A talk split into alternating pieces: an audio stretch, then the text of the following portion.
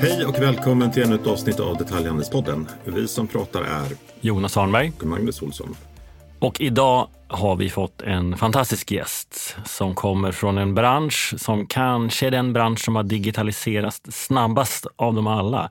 Sega ut, men sen fort som attan. Och eh, Meds hör ju till dem som kanske har växt snabbast av de snabba där, även om ni inte hör till jättarna än så länge. Varmt välkommen hit Björn Torngren, VD och grundare på Meds. Stort tack! Och helt korrekt, vi eh, har ju verkligen växt snabbast av alla, 171 procent om året i snitt sedan 2018. Kaxig siffra också. Jonas, innan vi drar igång på allvar så har vi först ett meddelande med lite information från vår sponsor i-boxen.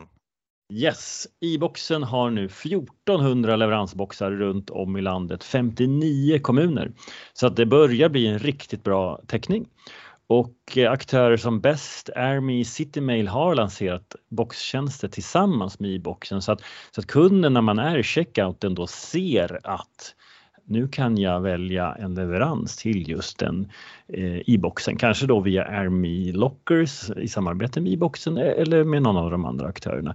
Och det är såklart ett eh, ett erbjudande ni måste ha till kunden nu i jultider. Så att prata med er transportör om hur ni kan leverera e-boxen till era kunder. Tack e-boxen! Och nu kör vi!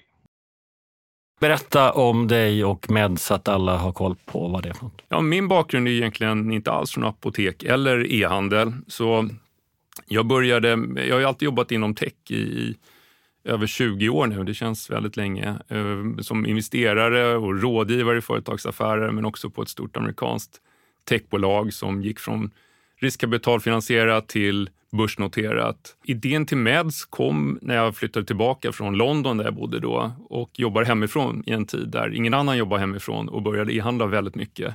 Och det här var ju runt 2015-16 där också e-handel blev en bra upplevelse för första gången i Sverige med bra hemleveranser. Och, och då blev det ju väldigt intressant att titta på vad är nästa steg? Och just apotek är ju en enorm marknad men låg då väldigt långt bak i digitaliseringen och det beror ju på att det är ett gammalt monopol. Det är ju Sverige, Nordkorea och Kuba som har haft statligt monopol. Eh, och det var ju oerhört intressant för att det är också en väldigt, enligt mitt tycke, eh, dålig upplevelse att gå till ett apotek, speciellt jämfört med USA och, och eh, England där jag, där jag har mer erfarenhet. De är större butiker, det är bättre priser och bättre utbud och så vidare. Och dessutom varor som är hyfsat lätta att skicka. Man vet vad man Ja. får, det är lätt att informera sig. Det är liksom en bransch som var ganska väl riggad för e-handel ur konsumentlogik. Men jag inbillar mig som du sa, monopol och sen avregleringen, då var alla fullt upptagna med att bygga butiksnätverk och liksom spåren av avregleringen liksom, och missade liksom det här. Nej, det lät för bra för att vara sant. Det var, det var bokstavligen det jag, jag tyckte och, och lät, jag började leta vad i haken och, och hittade ingen riktig hake förutom att det är en väldigt komplex bransch. Det är inget man startar från bakluckan och sen växer upp utan man måste gå in full satsning. Eh, så jag grundade, eller breddade grundarteamet med Johan och Adam som hade all den kunskap som jag saknade från branschen. Och, och än idag så, så har jag ibland lite svårt att förstå mig på hur, hur vissa saker fungerar som de gör i branschen. Men, men det är ju också mycket arv från monopoltiden i, i många delar. Hur stor av tillväxten är pandemidriven? För att det måste ju ändå ha liksom pumpat upp både efterfrågan på eh, hälso och sjukvårdsprodukter men också själva digitaliseringen. Jag tycker att den delen är överskattad och det beror ju på just att när vi började så var ungefär 5-6 procent av, av handeln online inom apotek och nu är den 20. Så att det har ju varit en bransch som låg alldeles för långt efter och växte i kapp väldigt snabbt även innan pandemin. Så, så det har ju växt i snitt med 50 procent tror jag sedan 2017-18 där. Så att den växte väldigt snabbt före, under och faktiskt nu också efter pandemin. Vi, vi fick siffror från branschföreningen nyligen som visar på ett jättefint oktober. Och det är väl ingen annan bransch som fortsätter förflyttningen on Line idag. Matvaror gick ju back 28 procent i, i Q2 exempelvis. Men ni sticker ut tillsammans med dagligvaruhandeln att ändå under pandemin fått liksom en rejäl skjuts ut. Och nu dagligvaruhandeln, där går ju många tillbaka till butik och e-handeln tror vi väl på absolut på sikt, men det har ändå blivit en sättning där. Men här till er eller till de fysiska apoteken tycks ju inte kunden gå tillbaks på samma sätt som till mathandeln. Och det kan man tänka sig, särskilt en äldre målgrupp eh, som ju då var riskgrupp, ville inte gå till butik, lärde sig att e-handla och nu tycker man ändå att det är mysigt att gå tillbaka till matbutiken. Men att gå tillbaka till liksom det fysiska apoteket har ingen liksom, någon förknippar med någon, någon härlig upplevelse. Så då blir man kvar på nätet. Nej, det, dels själva känslan, men sen också eh, rent faktamässigt så om man tar mat så en, en onlinehandlare har ungefär hälften av vad man kan hitta i en stor butik. Och det gäller ju även Coop och Ica själva. De har mycket färre varor online än de har i sin egen butik. Och priserna är samma eller till och med högre online. Om du jämför med apotek så har vi 5 till 10 gånger så mycket produkter som även ett stort apotek och det är 40 till 60 procent lägre pris. Så den relativa fördelen är ju enorm i, i vår bransch och kopplar sen på, som, som du nämner, att ingen riktigt ser fram emot eller har något fördel av att gå till en butik för att, att bli inspirerad så, så gör det ju att förflyttningen fortsätter. Så att det stora arvet från pandemin är ju snarare just att många upptäckt möjligheten. Det är fortfarande eh, ganska okänt och framförallt bland äldre som ju också står för en stor del av det receptbelagda. Och det är 77 procent av marknaden för de fysiska apoteken. Så att den här förflyttningen återstår nästan. Vi har börjat med receptfritt och, och andra produkter och nu, nu kommer ju receptbelagt. Eh, och där är ju Sverige världsledande. Vi har de bästa förutsättningarna och kommit längst i hela världen vad gäller receptbelagd läkemedelshandel online. Men ni ligger efter i äldre och i recept. Men, men händer det grejer där? Ja, men det, det gör det verkligen och, och, nummer ett är att man ska vara medveten om att det går och sen nummer två att man ska testa det och upptäcka att det här var inte så komplicerat. Eh, så att vi såg ju andelen äldre ökade kraftigt under pandemin och har stannat. Och varje år så blir ju en, en 70-åring 71 och, och samtidigt också ser man ju i mycket statistik att också internetmognaden ökar ju i, i 60, 70, 80 eh, grupperna. Så det är lite av en fördom också att äldre är helt hjälplösa online. Det finns absolut de som har utmaningar.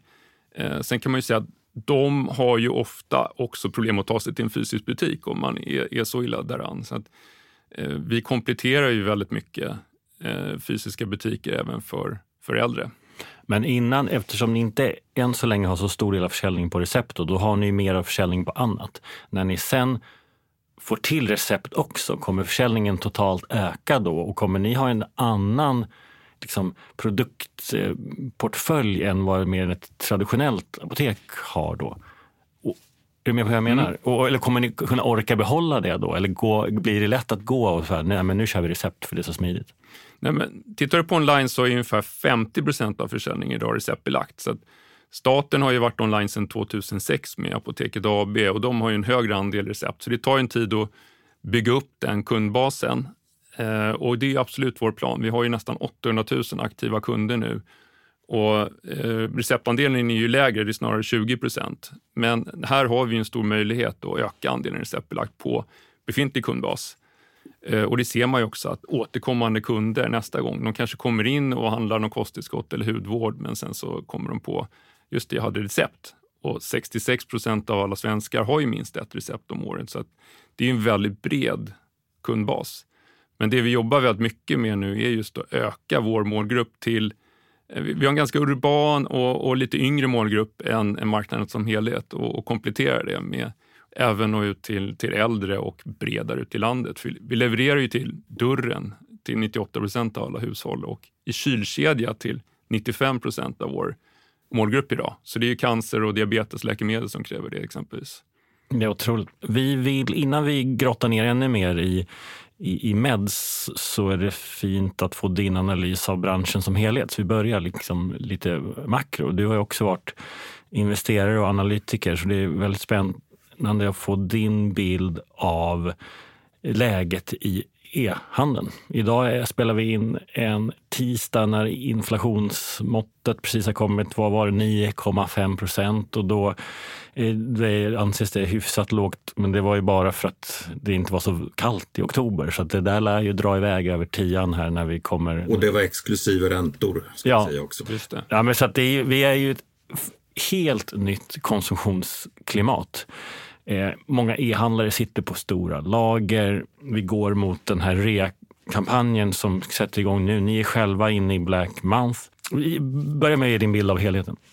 Ja, jag, jag har ju till och med skrivit en artikel just om att e-handel inte är en bransch och, och, jag tycker det verkligen har visat sig senaste året också. att eh, Man måste titta på underliggande bransch och där ser man ju ganska eh, stor skillnad i utvecklingen beroende på om det är en konjunkturkänslig bransch eller inte, om det är sällanköp eller förbrukningsvaror och så vidare. Eh, och sen på det så har du ju också den relativa fördelen att handla online inom den branschen. Eh, och tar du eh, apotek just så är den ju helt ocyklisk. Den har ju växt varje år sedan medeltiden och, och kommer fortsätta göra det. Vi blir fler, vi blir äldre, läkemedel blir dyrare och själva begreppet apotek håller ju inte minst nu på att expandera inom allt som handlar om hälsa och välmående egentligen. Plus att, som vi var inne på innan, onlinefördelen är väldigt stor eh, och det gör ju också att, att den inte heller, det sker ingen tillbakagång. Men, men ser man på många e-handlare som, som har problem idag, som är börsnoterade, så har ju också deras underliggande bransch samma problem. Så att en skohandlare online har ju samma problem som en skohandlare i, i butik i mångt och mycket. Sen så har de ju vissa egna utmaningar. Eh, butikerna har sina hyror till exempel och, och men mycket handlar ju det om att de måste beställa saker långt i förväg och, och det är konjunkturkänsligt, det är trendkänsligt. Det är en helt annan dynamik än man har i, i apotek. Så att ska man analysera eh, e-handel så måste man gå djupare än att bara titta på hur agerar befolkningen generellt online. Det är ju en av väldigt, väldigt många parametrar som påverkar hur det går för branschen och eh, bolaget. Men det känns inte som eh, börsen eh, tänker så, utan allt är nere. Och det finns en annan, vilka tre eh, e-handelsaktörer skulle du köpa om du hade, om du hade möjligheten? Ja, det så duktig är jag inte tror jag. Men det är som du säger, till att börja med, allt på börsen är ner. Alltså det är svårt att hitta ett bolag inom någon bransch överhuvudtaget som inte har gått ner. Sen har ju tech gått ner lite mer och e-handel kanske gått ner ännu lite till. Men, men nu håller ju, det så är det ju alltid i början av en nedgång. Man vill bara inte göra, man vill sälja och vill helst kura upp sig i en liten boll och, och dra ett täcke över sig. Och, och, sen så tycker jag ändå att man ser nu i samhället i stort en, en viss tillnyktring att ja, det kanske inte blir så mycket värre än så här. Och eh, då, då eh, gör man ju en distingering mellan bolag inom vad man uppfattar som en bransch och, och just börjar inse att e-handel kanske inte är en bransch, det är ett leveranssätt. Eh, så jag har svårt att, att, att säga någon specifik e-handlare. Jag, jag, tycker väl att Hype till exempel har, har liknande dynamik som, som vi har, tror jag. Jag har inte djupanalyserat dem. Men, men... Det är snusbolaget? Då. Ja, snusbolaget, precis. Eh, sen om de har en bra värdering inte, kan jag inte uttala mig om. Men, men eh, den typen av, där man har en väldigt stor fördel att handla online och det är en stor marknad, där kommer ju det här fortsätta. Eh, och det är en bra grund för att göra en bra investering.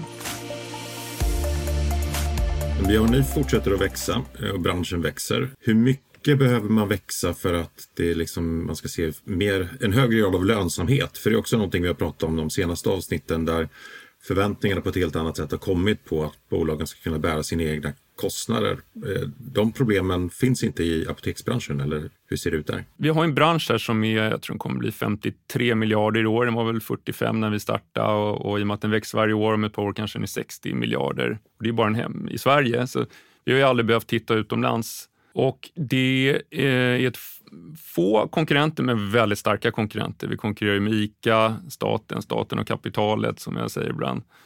Eh, tre stora kedjor och eh, de har ju väldigt hög varumärkeskännedom och det är superviktigt för att, att ha en lönsam eh, verksamhet online. Så det kombinerat med att det också är stora volymfördelar i allt ifrån kundanskaffning, marknadsföring, logistik, eh, inköp gör ju att vi, vi vill bli större och eh, i och med att marknaden också växer online så, så vill vi ta en, en relevant position där. Så, så det finns Eh, ett stort egenvärde att fortsätta växa. Det är ju också reglerade marginaler faktiskt eh, på receptbelagt, eh, som också är lite unikt för oss. Och det gör ju att man tjänar inte jättemycket för varje order, men, men man har stora fördelar med att ha många order och då har man också etablerat en väldigt stark position som blir väldigt svår för andra att senare konkurrera med.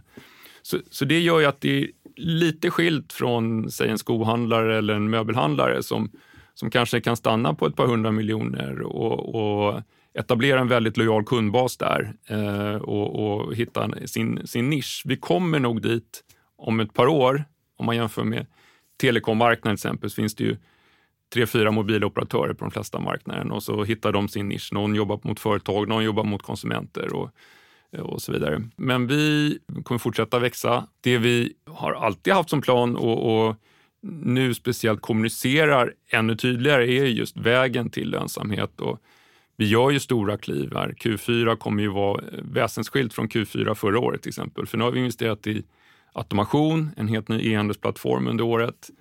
Och vi börjar också eh, dra nytta av vår befintliga kundbas på ett helt annat sätt. Där har vi nog inte lagt lika mycket fokus innan, eh, utan det har varit just att, komma upp i en, en, relevant storlek och där är vi nu. Så att vi, vi kommer ju ta kliv mot lönsamhet. Vi kommer inte bli lönsamma i, imorgon, men, men vi minskar ju behovet av kapital hela tiden. Det är inte minst är viktigt för eh, jag är själv stor investerare i, i Meds och våra övriga investerare att eh, vi ser att det, är, det ger effekt, det vi gör. Men ni har ju väldigt tydliga konkurrenter som du var inne på. Vad är det som liksom är skillnaden som är skillnaden för, för Meds? Om du skulle göra en hisspitch här, varför vi ska handla på Meds nästa gång, vad, vad, hur låter den? Meds är ju den som erbjuder bäst service. Vi är tillgängligast, vi är öppet från 8 morgonen till 10 på kvällen, sju dagar i veckan. Vi levererar snabbast av alla. Ehm, vi, vi eh, har som mål att bli Sveriges favoritapotek och, och vi vinner ju också priser och ligger högt upp i alla rankingar på, på det.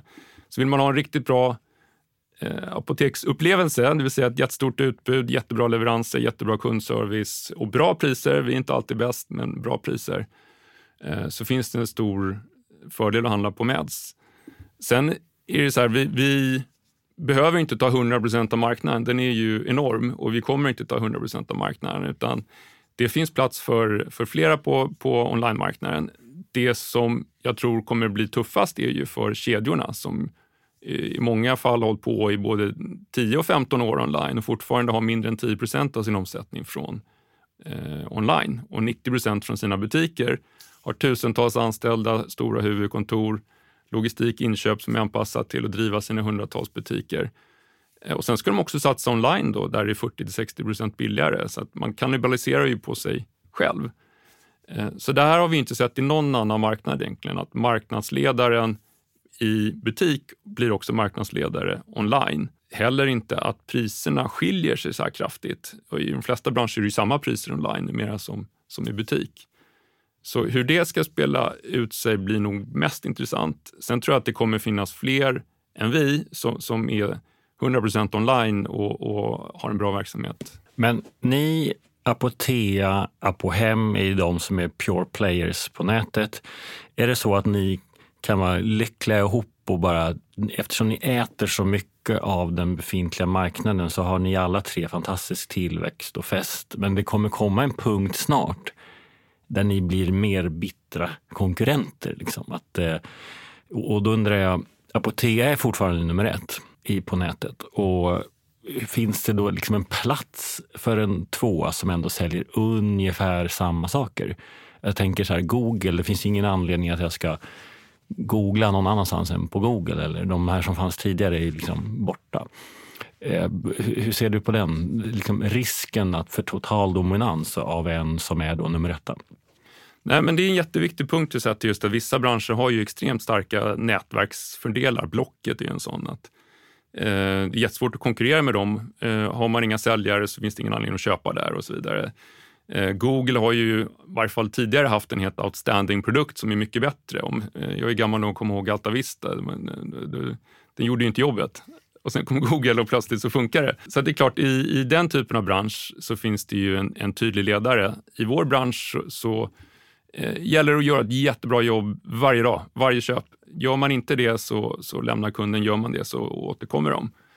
Eh, så, så därmed så har man inte samma fördel av att vara eh, störst. Eh, då hade ju Apoteket AB också varit störst online i så fall. Eh, de har ju rimligtvis bäst inköpspriser och, och så vidare. Bäst, starkast varumärke och allting. Eh, så det, det är en jättestor marknad så det finns plats för flera. Det, blir, det är snarare tvärtom. Det, det blir jättesvårt för en enda aktör att leverera med kvalitet i hela Sverige på en gång. Jag tror ingen skulle klara av det, utan det måste till flera. Absolut, vi, vi vill ju fånga så många som möjligt av de kunderna som kommer från butik online och har inte så mycket fokus på vad andra gör eller sno deras kunder. Sen är de självklart jättevälkomna till Mens.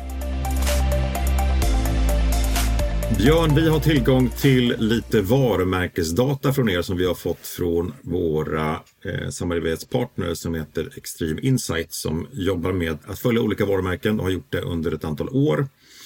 Och här ser man ju tydligt er väldigt starka tillväxt de senaste åren. Och då mäter man det i varumärkessammanhang i form av kännedom och tänkbarhet och lite andra parametrar.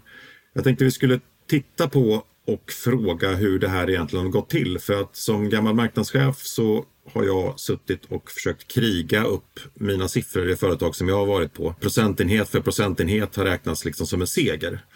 Eh, ni har gått till exempel på eh, svenskarna i stort eh, från en, en hjälpt kännedom, det vill säga att man ställer frågor, känner du till METS? Och då får man ett jakande svar från 20 procentenheter 2019 till 43 den senaste mätningen under Q3, alltså en fördubbling. Tittar man på det yngre segmentet så är det faktiskt så att över 50 procent känner till er. Eh, och samma sak om man tittar på kvinnor, då är det till och med 55 procent som känner till er senaste mätningen. Eh, det är fantastiska siffror och även när det gäller tänkbarhet så har ni gått från att vara eh, 7 procent kunde tänka sig att köpa hos er Eh, 2019 och 25 procent kan tänka sig att göra det 2022. Och det ska nästan inte gå, åtminstone inte om man investerar, om man inte investerar jättemycket pengar. Är det den enkla förklaringen här eller finns det något, finns det något annat? Förhoppningsvis har vi gjort ett bra jobb också och därmed eh, fått kunder att rekommendera oss. Men absolut, det har ju varit en jätteinvestering i, i marknadsföring, alltifrån varumärke till, till performance. Och det är ju något som vi pratar väldigt mycket om och, och testar olika saker. Eh, just bygga varumärke är ju oerhört svårt och inte minst när man konkurrerar med eh, ett statligt apotek som heter Apoteket också, som att det är det enda som finns. Det är ett bra namn. Ja, det är ju bra. Sen att de fått behålla det, det har inte skett i någon annan omreglering, att Televerket heter kvar Televerket och banken heter banken, som staten skulle driva. Eh, så det är lite orättvist, men, men det är de förutsättningar vi, vi har. Samma gäller ICA har ju också investerat eh, miljardbelopp i hundratals år känns det som. Så det kostar på eh, och det gäller därmed att göra det så effektivt som möjligt. Och vi har också valt att sticka ut. Exempelvis Måns Zelmerlöw som, som ambassadör och, och den här filmen när han red på en häst som ju verkligen blev, blev viral och hamnade på ledarsidor och talkshows och allt möjligt. Så det gäller ju att få så mycket som möjligt från i sammanhanget ändå begränsade summor, även om det är, det är stort för oss. Eh, men sen ska det också eh, resultera i att man kan dra nytta av den här positionen. Som jag var inne på innan, vi har ju 800 000 snart eh, aktiva kunder nu och Även om 50 procent känner till oss, eh, vilket är fantastiskt, så är det 50 procent kvar som inte känner till oss. Och det kanske också just den kundbasen som vi i framtiden ser eh, som en stor tillväxt, nämligen äldre och utanför eh, storstäder. Eh, så det är ju någonting vi, vi investerar väldigt mycket i nu. Det kommer ju komma ut en nyhet inom kort här om eh, hur framgångsrikt vårt SEO-arbete har varit.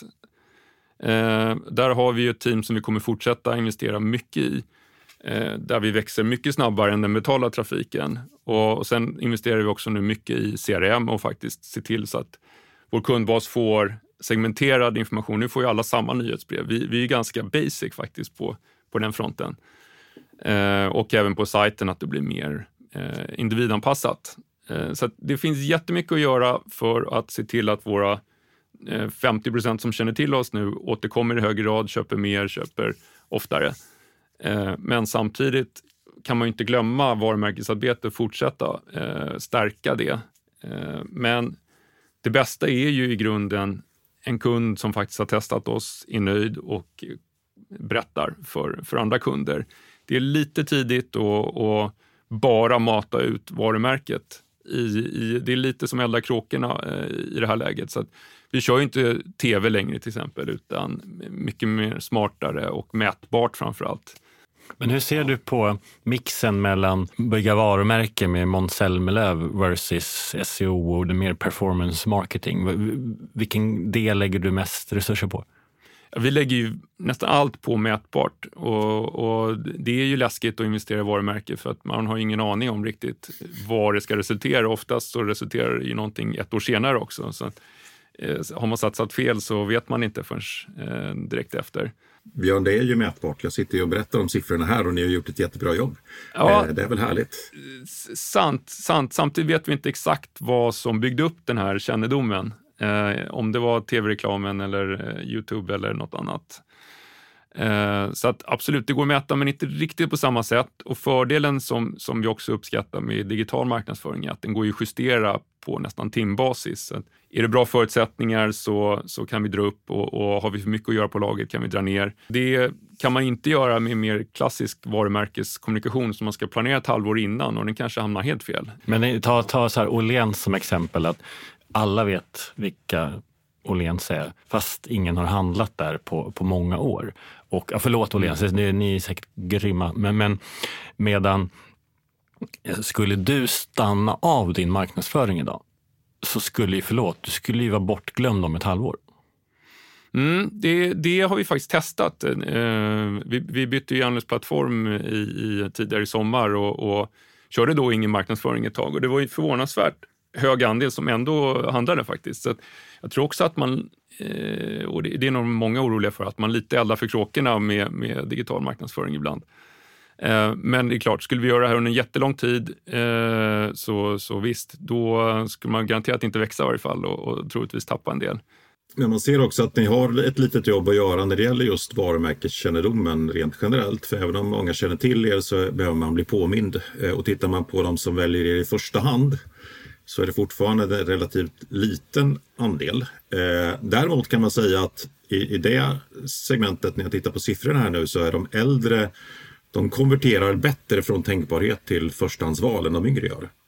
Eh, för det är en av tolv av de yngre som eh, kan tänka sig att handla hos er som faktiskt också har er som förstahandsval, medan en av sju av de äldre har er som förstahandsval. Så det är en, det är en bra um, bra tillväxtpotential. Jag håller med om det. Nej, äldre är ju generellt svårare att vinna över men, men sen lojala när de stannar och det hänger väl ihop. Så, så att det, det är klart att det tar längre tid. Man har ett invant beteende att ändra och också kanske är lite mer tveksam att testa någonting som är helt nytt. Så att det är jättekul att höra just eh, att vi ligger hyfsat bra till där. Sen tror jag som du att vi har mycket kvar att göra och vi kommer ju Eh, fortsätta att investera i vårt varumärke, helt klart.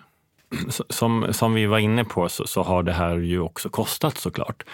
Och, och jag undrar, hur lång tid har du på dig till att du är lönsam? För det är ändå en orolig marknad. Eh, du själv investerar, jag antar att dina andra investerare, kollegor i, i Meds ändå är intresserade av att Eh, Eh, att det börjar bli plus snart eller ha, ha en bild om att eh, veta ungefär när. Liksom, hur uthålliga är ni och i den här marknaden? Hur, hur ser du på att inte göra vinst nu? Om man går tillbaka lite till det här resonemanget du hade innan just om, om eh, att allting dras över en kam så är det ju mycket nu att alla former av bolag som är inom tech eh, ska plötsligt visa vinst och, och då tycker jag också där man måste skilja på vissa som också håller på att skapa sin marknad samtidigt som de bygger en produkt. Klart, där är det tuffare att hitta intressenter. Vi har en enormt stor marknad, vi har en väsentlig omsättning. Men om jag säger frågan så här, eh, i indiska fall, de trodde ju lika mycket på affären som du säkert tror på din. Men banken stängde egentligen. Det blir nu eh, här, en, om en analytiker var den, eller en bank som hade eh, kapital hos dig, så skulle man kanske vara mer så här, men vänta, då gör man den grundanalysen kanske, att nu stoppar vi inte in någon mer. Eh, men det, den, den risken har inte du, men det måste ändå finnas ett mått av att snart är det dags att visa lönsamhet. Jo, eh, det är viktigt att fortsätta visa tydliga steg att vi, vi levererar på vår plan. Eh, man ska ha med sig att vi varit igång fyra år och skapat det här bolaget på den här enorma marknaden. Vi, vi visar en väldigt bra utveckling eh, och inte minst att vi nu börjar dra fördel av vår stora skala. Och där tittar man ju på orderekonomin eh, helt enkelt. Att vi ökar ordervärdena, att vi får bättre marginaler, att vi är effektivare i leveransen och att vi är effektivare i vår marknadsföring. Och har man den insikten i, i affären och ett, också ett tydligt mål så är det ganska enkelt att räkna på, är vi på rätt väg? Och så länge vi är på rätt väg så, så finns det bra eh, tålamod och entusiasm bland eh, ägare och styrelse. Härligt. Och den börsintroduktion som ni var sugna på men drog tillbaka, berätta om vad, vad hände där? Ja, vi, vi eh, satsade satsade på en direktnotering då som, som i, eh, eh, innebär att man inte säljer aktier och man tar inte in pengar. Och det är ganska ovanligt i, i Sverige så vi, vi märkte att många var inte eh, insatta i hur, exakt hur det går till. Eh, och under den här roadshowen så, så såg vi ju dels att eh, marknaden blev markant sämre. Eh, det var massmobilisering och en pipeline som sprängdes. Men också fick vi feedbacken från, från många investerare att det här låter fantastiskt, men varför har ni inget eh, erbjudande att ta ställning till? Det här kommer bli svårt för oss att investera i det, att likviditeten blir så eh, låg helt enkelt. Så då valde vi att, att avbryta och återkomma senare. Så att det, det är en möjlighet man har när man inte har något erbjudande ute till marknaden egentligen, att senare lägga den tidpunkten. Kopplat till din, till din jämförelse med indiska där, om man tittar på trenden i varumärket, för man kan ju titta även på det, om man ser ett varumärke som hela tiden växer i styrka, eh, då är det ju eh, risken lägre än om du har ett varumärke som i indiskas fall till exempel som gick från en tänkbarhet 2013 till, på 45 till 32 2022. Eh, där man ju tappar kunder istället. Det är ju en helt annan affär. Eh, så att jag, jag skulle jag, jag, tycker att du ska ha jobbet kvar Björn ett tag till. Tack så mycket. Ja, det är svårt att jämföra sig med andra också, men, men, men generellt så eh, ett bolag som har varit verksamt rätt länge och ändå inte påvisar en bra utveckling har ju mer att bevisa än när man precis har startat och fortfarande levererar på sin... Och det är också svårare att vända rent generellt när ja. man börjar tappa. Så är det. Björn, e-handeln är ju fylld av kampanjande eh, och olika deals och det tycks vara väldigt viktigt för att få till affären. Och nu är vi ju inne i årets festsäsong vad det gäller eh, vad det gäller kampanjande. Singles Day drog igång allting och nu är vi inne i, för er del, Black Month. Varför kör ni hela månaden för? Vi är generellt positiva till, till Black Week och Black Friday. Det är ett bra sätt att, att få många nya kunder som ju också bevisligen stannar sen. Däremot så har vi blivit så stora, så vi märkte det förra året, att bara köra en vecka är eh, väldigt mycket jobb för väldigt lite tid. Vi, vi anställde enorma eh, mängder med människor, tränade upp dem bara för några dagars försäljning. Så nu har vi ju snarare gjort det tvärtom, att vi, vi utgår från vad vi har och ser hur mycket kan vi leverera med kvalitet och sen sätter vi erbjudanden och försäljning efter det samt att vi drar ut över hela månaden så att det blir en, en längre period. Då kan man också hålla en högre kvalitet och det är inte bara vad vi klarar av som är, är relevant utan även vad våra transportpartners eh, klarar av. Så, så, förra året märkte vi att vi tog in väldigt mycket människor och upplevde att vi gjorde ett jättebra jobb men sen så klarade ändå inte transportörerna av att få ut dem i tid så det var lite att elda för kråkorna. Så nu hoppas jag att det blir en, en betydligt jämnare, hög men jämn försäljning och en bättre kundupplevelse.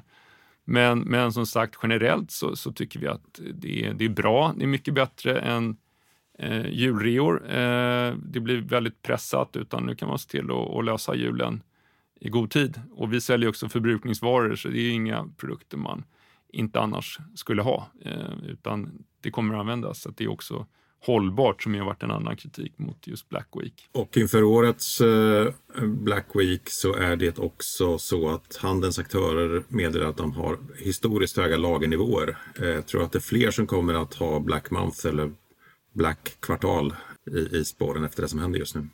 Det sägs ju det och, och, där är det ju återigen väldigt branschberoende. Vi, vi har ju väldigt liten andel av vår försäljning i lager just för att vi får in produkter med 24 timmars varsel från, från grossister enligt eh, lag. Det är förbrukningsvaror, det är inga trender och, och så vidare. Så vi har ju samma lagernivåer som vi alltid har. Däremot så har jag förstått eh, från eh, möbler, kläder och andra branscher att de har väldigt mycket lager och det kommer säkert vara väldigt mycket erbjudanden. Det, det är det jag hör i varje fall eh, under Black Week. Så det är en, en bra månad att vara konsument helt klart i, i Sverige.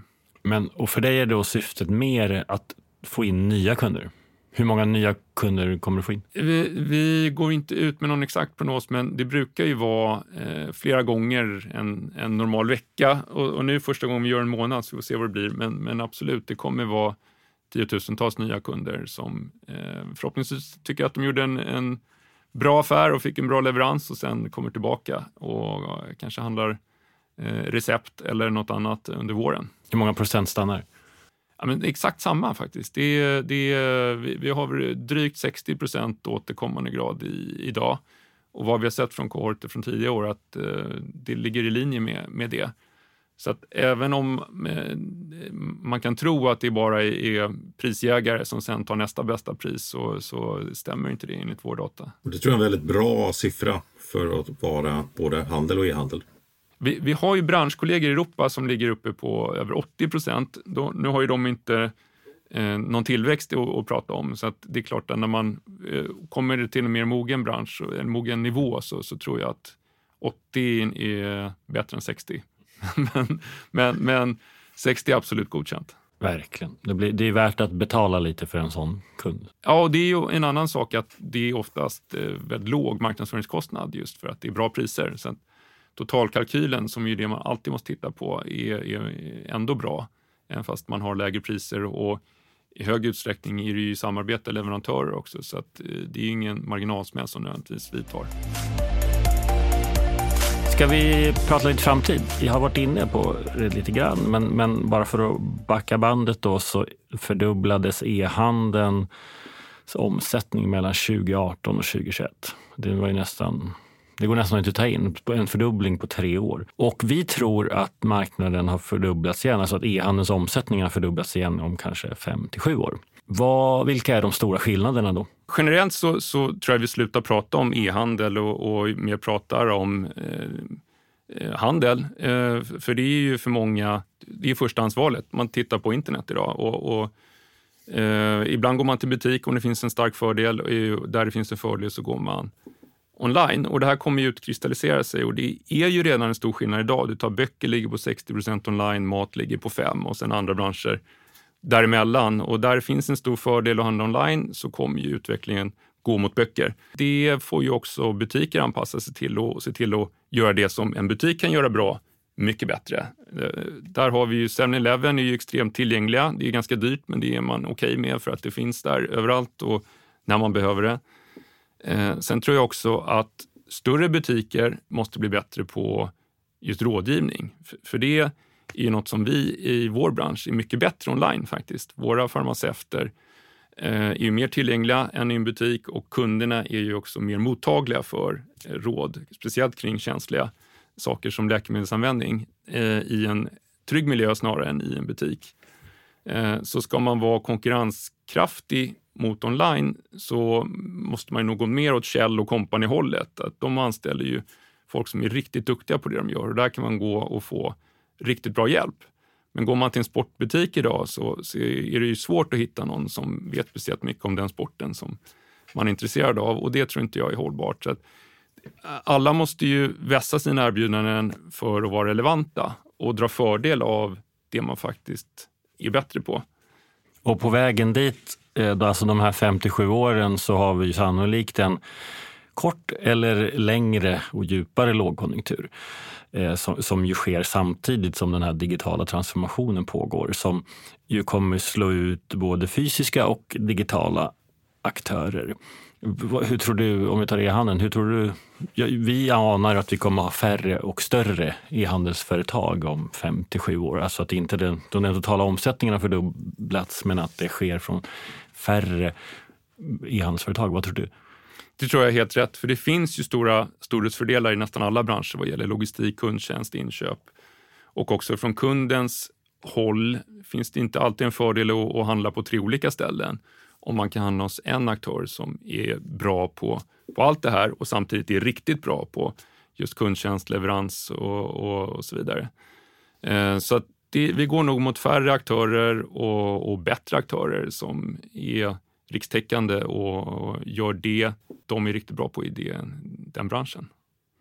Du jag fråga, nej, eh, jag hör inte riktigt hit till slutfrågan, men jag bara inser att alltså, apoteksmarknaden eh, den, handeln generellt karaktäriseras ju av en enorm tillväxt i ett budgetsegment, så dollar står rusta och den grejen. Och sen har du e-handelstillväxt och sen har man liksom den traditionella kedjehandeln som trevar lite och några hittar rätt. Men hur eran så här, fysiska budgethandel, finns det någon sån? Det, det gör ju inte det i och med att det är reglerat, så man kan ju inte priskonkurrera med receptbelagt i, i Sverige. Utan det är en sån normal och de som är närmast dig, delar av, sitt, delar av ert sortiment säljer de också fysiskt och billigt. Liksom. Ja, och det är ju mycket dyrare i butik, så det kommer väl närma sig. Men att det skulle vara billigare i butik går ju inte riktigt för att det, det är så konkurrensutsatt. Och, och men vadå, om jag åker till Dollarstore kan jag ju köpa ett schampo billigare än om jag handlar hos dig? Jag tror inte att det är samma, samma varumärken och samma produkt i så fall. I, i nio fall av tio. Det är möjligt att de har gjort något panginköp någon gång. Men du kan aldrig gå dit och lita på att de har just det du är intresserad av billigare. Så, så det är ingen stor marknad utan vi har bra priser online i den här branschen idag. Och, och, det kommer inte bli ännu lägre utan det som kommer hända är att det kommer bli ett ännu större sortiment som har bra priser. Och då tror jag man kan titta på branscher som har väldigt höga marginaler, att det kanske inte är hållbart i längden. utan eh, Vi närmar oss deras bransch och, och, samma händer inom andra branscher, att eh, branschgränserna eh, suddas ut lite. För, för det finns ju inte samma behov av en branschgräns online som gör en butik. Där ska man ju skapa en, en viss förutsättning i en butik. Men, men online kan vi ju ge olika upplevelser till olika kunder och därmed också gå in i näraliggande branscher och göra det på ett väldigt bra sätt. Okej, okay, färre och större aktörer. Då undrar jag vilka är det som försvinner från apotekshandeln? Vi har Apoteket, staten, långsiktiga. Vi har ICA som gör det bra eh, och växer, är väl kanske störst. Eh, alltså, och med, med hjärtat då menar jag då. Mm. Eh, och Sen finns det en massa andra fysiska aktörer som känns mindre självklara. Och så har du dig själv, eh, Apohem och eh, eh, Apotea. Vilka, vilka försvinner? Det som hände tidigare år var ju att eh, Krona köpte Apoteksgruppen, tidigare statliga Apoteksgruppen. Eh, sen har vi en liten kedja kvar som nyligen bytte namn. Jag vet inte ens vad, vad det nya namnet är. Men att driva en liten kedja är ju, har ju visat sig vara svårt, både lönsamhetsmässigt och, och inte minst med tanke på varumärkeskännedom och liknande. Så att, ska de sen också satsa online så är det klart, det, det är en tuff position. Övriga kedjor så, så eh, beror det helt på hur de anpassar sig till online om de ska fortsätta vara relevanta. Eh, och, och får vi se om det är staten, ICA eller Kronan som gör det bäst eller inte lika bra.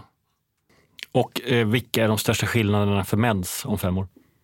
Nej, men det är nog att äldre har kommit till marknaden och, och, det kommer ju förändra väldigt mycket för det är ju, som jag var inne på innan, 77 procent av apoteksmarknaden eh, där vi ligger på 12 procent online idag tror jag. Eh, men går den upp till 30 procent så är det ju en enorm tillväxt i den här marknaden och att handla online även är förstahandsvalet för äldre. Eh, vi är lite på gränsen till det nu. Vi bröt ju igenom i snitt 15 procent online här om året som ju anses av Eh, analytiker som någon slags brytpunkt och där uppstår en snöbollseffekt. Så att hur den här snöbollseffekten artar sig närmsta åren ska ju bli jätteintressant att se. Men det kommer ju påverka i grunden hur man ser på apotek i, i samhället. Ja, men det är klart. Tänk dig att du sitter med en butikskedja med apotek i femårskontrakt säger vi och du signade det kontraktet alltså 2017. Hur stor var apoteksandelen på nätet då? Jag tror den var 5 procent. Och idag är den 20. Ja. Alltså det är en helt annan värld, liksom, där tillväxten från och med nu sker på nätet. Och, eh, ja, jag skulle bli förvånad om det blir fler fysiska apotek. Nej, förra året så minskade de ju. Okay, det har ju ändå Sverige minst antal apotek nästan i hela ja. Europa. Halva snittet av per capita. Så vi har få apotek, vi har dåliga öppettider och de håller på att minska. Eh, däremot så minskar de inte glesbygd som många är oroliga för, utan de minskar i storstad. Eh, det är där e-handeln går som starkast faktiskt. Det vi kan sammanfatta det här som är ju att apoteksmarknaden har en särställning i att fortsätta växa och är minst sagt inne i en fortsatt digital transformation, eller hur Björn? Ja, men det stämmer och den är ju också eh, helt ocyklisk. Det är nästan ingen annan bransch som, som är så ocyklisk som apoteksbranschen. Så att, om vi nu går in i en lågkonjunktur som vi faktiskt inte egentligen har gjort än, utan vi är på väg, så kommer ju det här eh, visa sig ganska tydligt då eh, jämfört med väldigt många andra branscher. Och det har ju egentligen varit en förutsättning för att vi har vågat satsa så mycket också. Just att vi, vi ser det här väldigt långsiktigt i en bransch som kommer fortsätta eh, finnas kvar eh, och växa under väldigt lång tid. Så att bygger vi en bra position där så har vi byggt ett, ett väldigt långsiktigt företag. Vi önskar dig stort lycka till och eh, jättevarmt tack att du gästade Detaljhandelspodden. Tack Björn Torngren, VD och grundare på Meds. Stort tack för att eh, jag fick komma. Tack Björn och tack alla som lyssnar. Yes, vi hörs snart igen. Ha det fint! Tack för idag. Hej hej! Jonas, många undrar vad som hände med vår konferens som vi skulle haft i oktober. Men nu har vi flyttat den till den 24 januari. Vad är status där? Det är ju ett fantastiskt datum. Efter all konferenshets som var under hösten, sen Black Friday och jul eh, och lite ledighet på det så är man ju mer taggad än någonsin att eh, sätta igång 2023 med hög fart. Och det gör man ju då på Detaljhandelspoddens konferens den 24 januari. Och då riskerar ju att vara både hög fart och låg konjunktur. För tittar man på Konjunkturinstitutets barometerindikator som brukar vara en väldigt bra just vägvisare för att veta om ekonomin är på väg upp eller ner så verkar vi passera in i lågkonjunktur och krympande ekonomi i samband med årsskiftet och därmed en ny spelplan för handelsaktörer, eller hur? Yes, vi är på väg i en lågkonjunktur och frågan är väl mer bara hur djup och långvarig den blir. Men det betyder ju inte att vi kommer sluta handla helt och vi har massa experter med oss som kommer hjälpa till att reda ut hur man ska ta sig an 2023. Såklart Ola Nevander från Makrologik som ni har lyssnat på i podden mycket kommer hjälpa oss att reda ut konjunkturläget. Emma Hernell, VD på HUI, Soledad Gonzales på Posten kommer ju ge en bild av hur de ser på handeln 2023. Jakob Wall från Axel Jonsson kommer försöka sig på, ge sig på en prognos för de olika formaten inom handeln och också värdera e-handeln. Nick Stagger, numera Nordiska galleriet, kommer prata om hur han eh, ger sig an den här nya konjunkturläget utifrån sitt perspektiv. Och såklart har vi med oss i boxen. Eh, Marcus Trautman kommer reda ut läget på paketmarknaden 2023. Och vi kommer inte heller bara prata om e-handel utan det här passar även för dig som jobbar i en kedja, är leverantör till handeln eller på något annat sätt är intresserad av handelsutveckling. Yes, och man får med sig några scenarios för framtiden också. Exakt, och vi kommer ju med de här scenarierna visa på olika utvecklingsmöjligheter under året. Och därmed blir det också en slags mental träningsläger för Eh, Eh, att man ska vara helt enkelt förberedd för de olika utvecklingsmöjligheterna och riskerna som, som kommer finnas under året. Så att håll utkik. Vi kommer snart ut med möjligheten att anmäla sig till detta. Det kommer vara 24 januari, Filmstaden, Hötorget, Stockholm och ni är alla varmt välkomna. Tack!